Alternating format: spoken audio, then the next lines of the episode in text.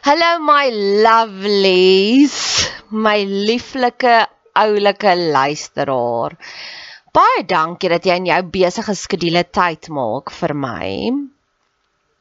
As jy meer inligting wil hê, gaan soek my op Bet Seber op Facebook, TikTok, Instagram, maak kontak as jy wil. Ek hou daarvan om van my luisteraars te hoor en ek het nou onlangs 'n kort videoetjie gemaak van een van my luisteraars hoe sy die mooiste terugvoer gegee het. So wie weet, dalk gebruik ek jou terugvoer ook iewers as 'n leergeleentheid. Net nog 'n bedelaars gedeeltetjie. Ehm um, ek probeer nou om op radiostasies te kom. Soveel mense sê vir my hulle dink dis die pad vorentoe en ek dink dit ook persoonlik.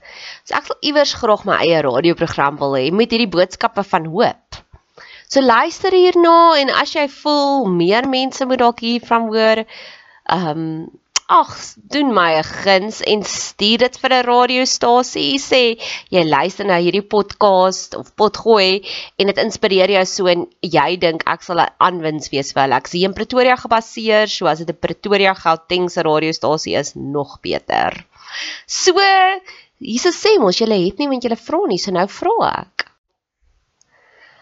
Ek het nog 'n uitnodiging wat ek graag aan jou wil voorlê vir die volgende 15 kommentare wat ek kry. Positiewe, uplifting, persoonlike kommentare. So moenie net sê jy het lekker geluister nie. Sê vir my hierdie gedeelte was wat vir jou aangeraak het. Vir die eerste 15 wat 'n kommentaar lewer, sal ek sal ek met jou kontak maak en ek sal 'n podcast net vir jou maak. Ons kan gesels oor 'n probleem in jou lewe, ons kan gesels oor jou drome, ons kan gesels as jy getuienis het, wat ook al. Ons kan 'n onderhoud voer of ek kan dit 'n podcast opdra na jou toe. Ons kan dit anoniem hou of jy kan jou naam noem net soos wat dit jou pas. Jy is welkom om kommentaar te lewer hier op hierdie podcast kanaal, op ons Instagram, op Facebook, op TikTok, ek's oral. Ek sien uit daarna. So hierdie is my soveelste ronde van liefdesgebede en dit werk. Dit werk regtig. So ja, ek bid en vertrou en glo en hoop vir hierdie perfekte vee verhaal van 'n van van van liefde.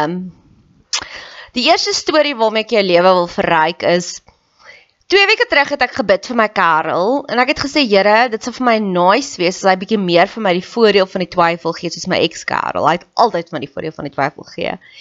En kort daarna in 'n gesprek het hy vir my die voordeel van die twyfel gegee.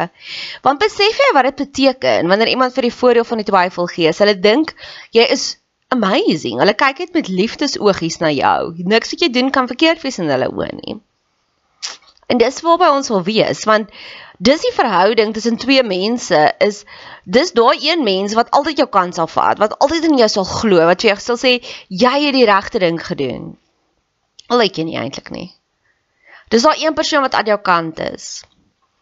Verlede week, verlede naweek, sê ek vir hom Ek wil vir jou dankie sê want van al die mense in my lewe is daar soveel mense wat vir my net hierdie gevolgde te krap boodskappe stuur. En toe sê ek vir hom, jy doen dit nooit. Jy gaan sit in jou baie besige lewe en jy gaan stuur vir my 'n persoonlike boodskapie. Dankie dat jy nooit vir my video's uit een keer vir my video gevolg het, maar dit was oor tandarts goed sê uitgedink het gaan vir my snaaks wees. Daai volgende dag forward hy vir my 'n boodskap, 'n 'n video en ek sê nee. En weer eens besef ek die gebed van krag. Ag, die krag van gebed. My grootste probleem uitdaging heidaglik is ek voel hy gee nie vir my genoeg aandag nie. En hoe meer ek met vrouens praat, dis soos hierdie universele probleem, nê? Nee? Laat almal voel hulle mans gee nie vir hulle genoeg aandag nie. En dis die eerste keer wat ek regtig waar op hierdie plek is. Ek het baie ander uitdagings en issues en ek sal met mense daaroor praat en almal sal sê, "Ag, moet jy nie daarin steur nie." Maar hierdie is vir my regtig waar een van daardie uitdagings wat universeel is. Ek wil die tipe van elke liewe investment wat ek doen in hom emosioneel wil ek hê dit moet die gift that keeps on giving wees. Die ander kant daarvan is die sound of crickets. Daar wanneer jy moeite en moeite en moeite en moeite en moeite en moeite doen en jy kry net mooi niks terug nie. Ek wil hê dat my investments met this gift that keeps on giving wees. Dis 'n my naam.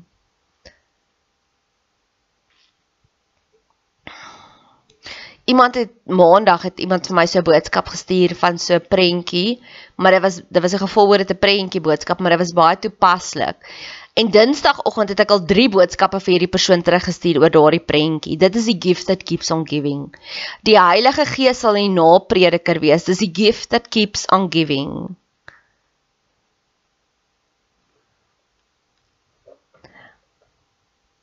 Ek het 'n paar jaar terug het ek The Two Artists of Auschwitz geluister. Die audioboek was amazing. Maar aan die einde van die boek dis twee mense wat beide die Holocaust Jode wat die Holocaust oorleef het. En aan die einde van die boek vertel hulle hierdie storie van hulle wat met hulle kinders sit wat al groot is in Amerika en die kind wil twee schnitzel sê en hy sê mamma ek weet dit is vraatsig maar ek's rare dit is so lekker ek soek nog twee hoender schnitzels en die ma se eerste reaksie is kry vir jou want ons het so swaar gekry in daardie kampe. Ons sal jou nooit deprive daarvan nie. Want jy sien daar kom 'n ander kant van wysheid wanneer jy eers deur die valley, die doodsvallei gestap het, dan besef jy wat is regtig vir jou baie werd. En dis hoe ek ook na die lewe kyk.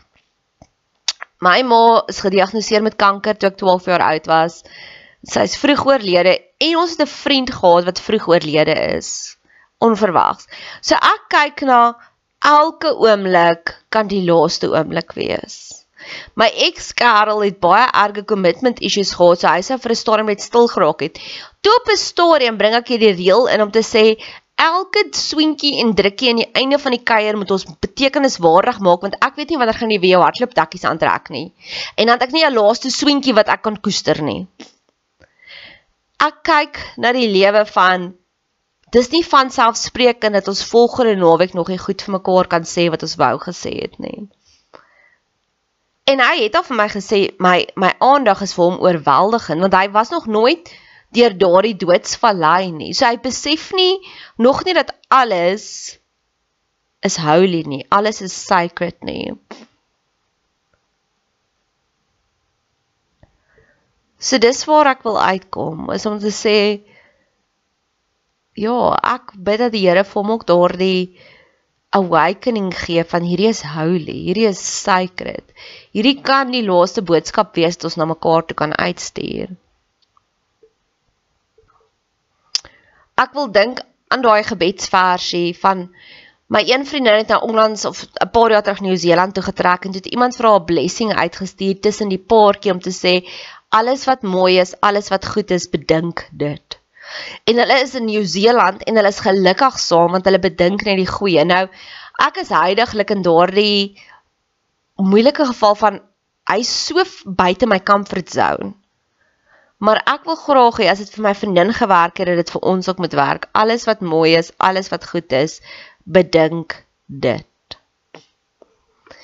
Ek wil by die Here gaan stil staan met die rolle in ons verhouding ek glo ek is die vrou of ek is die vrou en my rol is om te help en te nurture en sy rol is om te voorsien. En ek wil graag hê die Here moet hierdie bewusmaking aan beide kante vir ons gee. En op daardie vlak Ek het gister gehoor iemand sê sy's 'n maximizer. Nou ek's ook 'n maximizer. As jy sê bid vir my vir 3 minute, gaan ek vir jou bid vir 16 minute. Dis hoe ek is. So Ek weet gister se uitdagings was mense, so ek bid dat elke persoon wat hy ontmoet sal geesgedrewe wees, sal op die hoogste vlakkie van Maslow se hiërargie opereer. Want oor die naweek het ek bietjie met hom gesels oor Maslow se hiërargie en ek het gesien pjoh, dit gaan oor hom. En die eerste is ek is geïrriteerd, dis ek sê ek weet ek gee net vir jou inligting wat jou lewe kan makliker maak. Maar toe dink ek aan die ander kant, okay nee, hy is die voorsiener. Ek sal maar net vir hom bid vir dit en dan kan hy maar net voorsien. Dis vir daai rolle God so mooi is want 'n man kry word manlik. Hy word geboost wanneer hy kan voorsien. Dis vir hulle goed. Ek bid ook verder dat alles in alignment sal gaan met hom. Ek bid ook verder dat God het 'n blymoedige gewer lief. So ek weet hy doen baie vir mense, maar sy lewe loop nog nie reg nie. And I have been there. Ek het eendag dat ek vir my ouma gaan beestert koop en toe stamp ek my kar en ek het nie versekerings gehad nie. En ek was so kwaad vir die Here. Ek sê Here, ek doen 'n goeie ding vir my ouma en nou laat hy my kar stamp. Regtig? En later het ek besef dis omdat ek dit nie gedoen het, ek wou dit nie doen nie ek wou nie vir my ouma dit koop nie. Want my ouma was 'n hoarder en ja, maar in elk geval en ek het haar geoordeel. En van daar af het ek besef ek doen net goeders wat vir my lekker is, wat ek wil doen. En baie mense sal sê jy's 'n bitch of ja. Maar ek doen nie goed wat ek nie wil doen nie. Want ek weet wat se straf daarvan, nie die straf nie. Ek weet wat se nagevolge. En ek ervaar dit nou uit en uit in sy lewe. So ek wil bid, Here, verander sy hart dat hy net die dinge doen wat hy wil doen. En ek weet I'm putting myself out there want hy is ook nie seker of wil hy in 'n verhouding wees. So as ek nou hierna sê, o, okay, hy het nou die verhouding beëindig, dan weet ek ook nou, okay dan. Ek wil graag hy moet planne vir my maak. Hy maak soveel planne vir almal anders, maar hy maak nooit planne vir my nie. Ek is nou maar net daar en dit is vir my lekker nie. Ek dink aan die liedjie van Trieter, nou kan ek nie sy naam onthou nie, Beyer Trieter wat gesê het hy wens hy het elke dag vir sy vrou, sy vrou heel bo in sy dagboek geskryf. God maak wonderlike planne vir ons. Ek wil hê hy moet ook wonderlike planne maak vir my.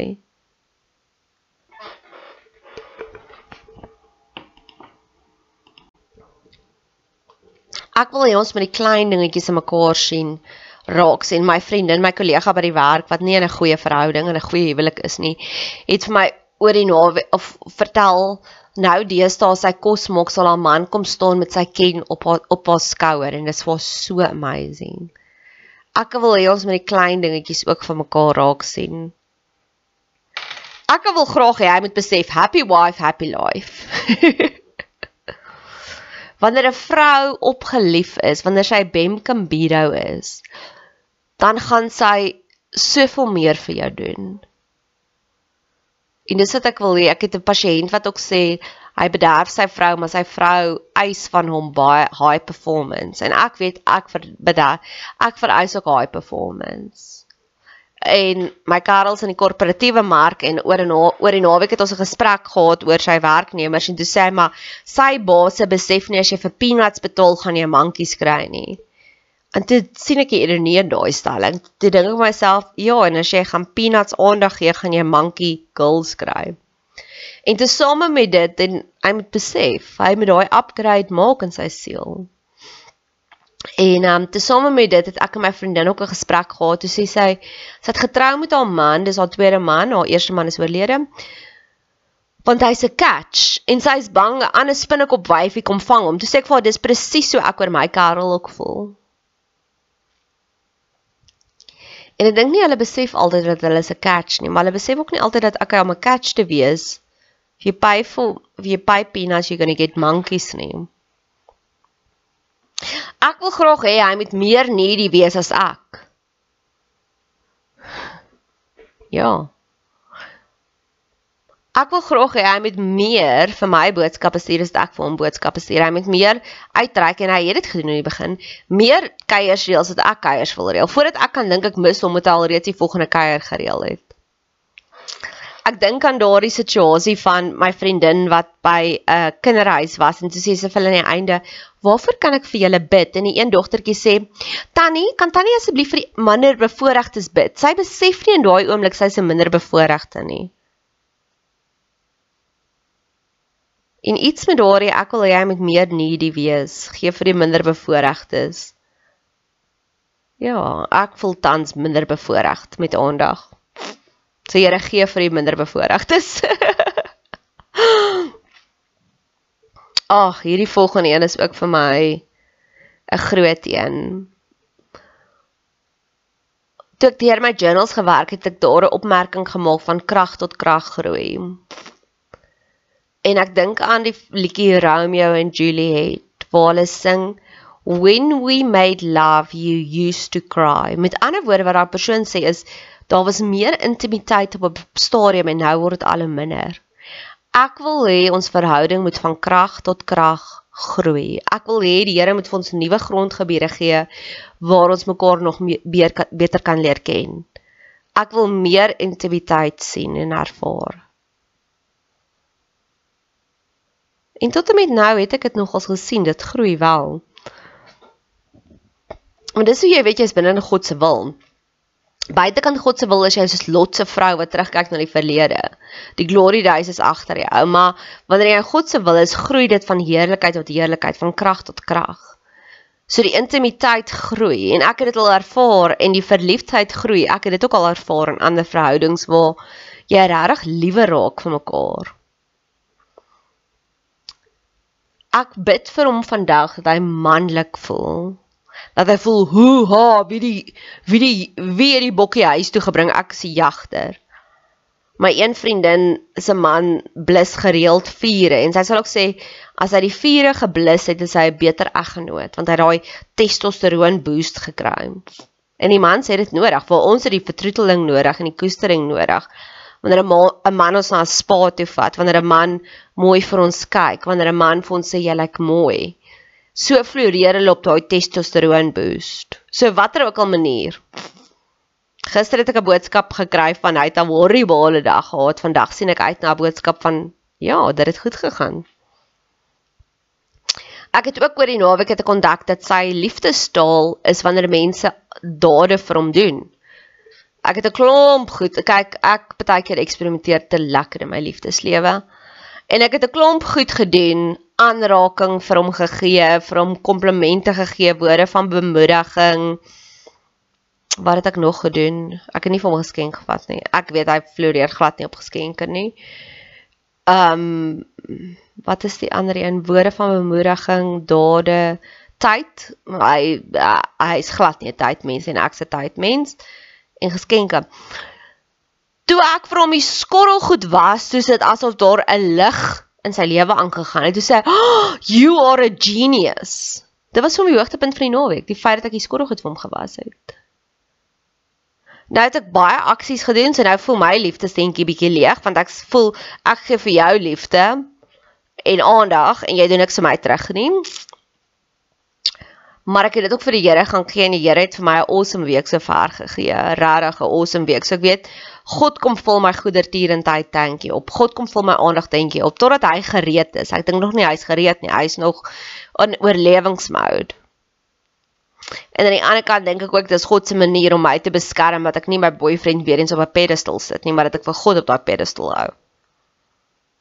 So my gebed vir hom is mag hy oorvloedige liefde kry van mense wat gunsies vir hom doen. Dis een van sy grootste pet hates by sy werk is dat hy voel hy doen die meeste van die werk en niemand anders nie. So ja, mag mense vandag uit hulle pad uit gaan om vir hom gunsies te doen.